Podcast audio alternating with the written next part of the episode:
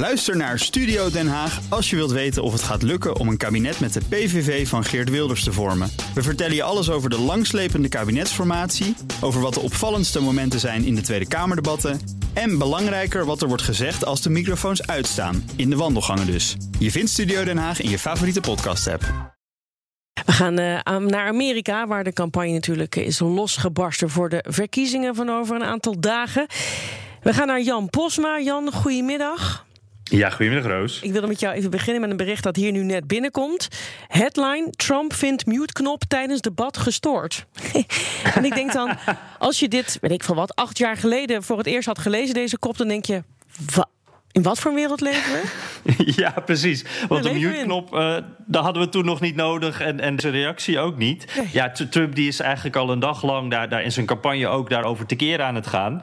Uh, en, en, hij plaatst zichzelf helemaal in de underdog. Hè. En in de campagne, daarin zegt hij ook... It's me versus the fake news, the debate commission en Biden. Dus ik debatteer niet tegen Biden, oh ja. maar eigenlijk tegen de hele wereld. We moeten even uitleggen, want we hebben het eerder ook hier in Spitsuur met jou... over dat allereerste debat gehad. Daar heeft het mee te maken... Toen interrumpeerde Trump Joe Biden constant. Het was niet te mhm. doen. Dat was dus zijn, ja, zijn modus operandi. Toen zeiden wij al tegen elkaar, hè, Jan... zouden ze niet gewoon die microfoon even af en toe uit moeten zetten? En nou is dit ja, de oplossing geworden. Zouden ze geluisterd hebben, denk je? Ja, nou, je dekt het bijna wel, hè? Dat, uh, ja, nee, die mute-knop inderdaad. Dus het is, uh, als ze straks een, een verhaal mogen houden... ze krijgen twee minuten om te reageren... en dan gaat dus inderdaad de microfoon uit. Maar er wordt hier al gezegd... Oh, misschien heb je daar ook een oplossing voor... Uh, dan gaat Trump natuurlijk zo hard praten... dat het ook via Bidens microfoon nog wordt opgepikt. Dus ik ben heel benieuwd. Oh nee, daar hoop ik gewoon eigenlijk op. Daar doen we niks aan. Hey, die wil ik met jou ook nog even hebben over dokter Fauci. Hè? Want dat is ja, de belangrijkste viroloog in de VS, zeg maar de Amerikaanse Jaap ja. Dissel. Um, ja. Hij staat niet op het stembiljet, maar Trump is wel enorm ruzie met hem aan het zoeken. Hoe en waarom doet hij dit? Ja, ja tijdens een, een conference call, uh, waarvan eh, Trump ook wist dat journalisten meeluisterden. Dus hij deed dat uh, expres. Ging hij echt flink tekeer tegen Fauci. Hij zei: mensen worden moe van hem, worden moe van al die idioten. Hij zit hier al 500 jaar en hij is een ramp. Als ik naar hem had geluisterd, was het allemaal nog veel erger geweest. Nou, dit is telefonisch, een conference call, dus vandaar de wat slechte kwaliteit. People are tired of hearing Fauci and all these idiots, these people. These people that have gotten it wrong. Fauci's a nice guy.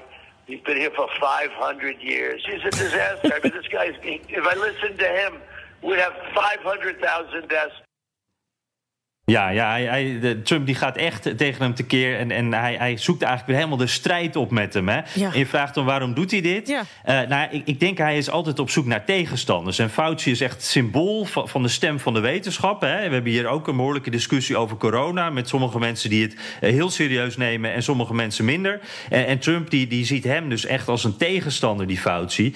En, en Trump zegt al heel lang: het is voorbij. Uh, er komt snel een vaccin, dus we moeten het er niet meer over hebben. En Fauci, Fauci gaat daar tegenin natuurlijk. Dus hij maakt zich daarmee ook een beetje uh, het slachtoffer van Fauci. Want Trump die zegt van ja, dit is allemaal politiek. Mm -hmm. uh, dat vaccin is er straks gewoon, dus we hoeven het er niet over te hebben. Ik heb gewoon goed werk geleverd. Ja, en voor Fauci heeft dat enorme gevolgen. Want ik heb begrepen dat hij inmiddels met beveiliging de straat op moet.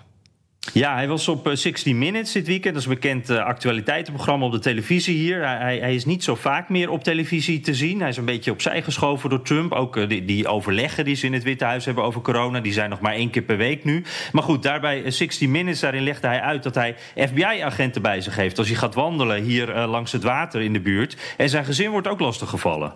Real and credible threats to my life and my safety, but it bothers me less than the hassling of my wife and my children. They've been threatened. Yeah, I mean, like, give me a break. Have there been death threats against yeah, you and yeah, your family? Yeah. All, all, of you, your no, daughter? just me, but hassling, harassment against, harassment against the rest of the family. Ja, dus zover is het al. Maar hij krijgt ook veel steun, moet ik zeggen hoor. Want in de wijk waar hij woont, dat is hier in Washington, daar zie je veel I Love Fauci-borden staan. Oh ja. En ook hier in de buurt zie je die. Dus mensen staan echt wel achter hem. Uh, alleen het is een, een, strijd dus tussen hem en, en Trump op dit moment. Een slimme keuze van Trump om het zo aan te pakken? Nou, ik denk het eigenlijk niet, Roos. Eh, want die, die is echt wel populair. Als je kijkt naar peilingen, is hij populairder dan Trump. En hij wordt echt door, door veel mensen vertrouwd. hij, is, hij wordt gezien als een niet-politiek figuur. En ik denk wel zijn harde kern, van Trump dus, die, die zal wel weer staan te juichen. Die vinden dit prima. De laatste tijd ook weer veel republikeinen gesproken... die de ernst van corona echt niet inzien. En, en het allemaal overdreven vinden. En Fauci ook maar een, een, eh, een prutser vinden. Dus daar zal dit scoren. Maar ja, hij moet, eh, Trump moet natuurlijk op zoek naar die gematigde kiezers. En, en daar zijn heel veel mensen, merk ik, toch ook ongerust over corona. En die staan wel achter Fauci. Dus ik denk dat het hem eh, in de aanloop naar 3 november eh, niet zo heel veel gaat helpen. Jan, dankjewel. Voor een nieuwe campagne-update spreken we je morgen weer.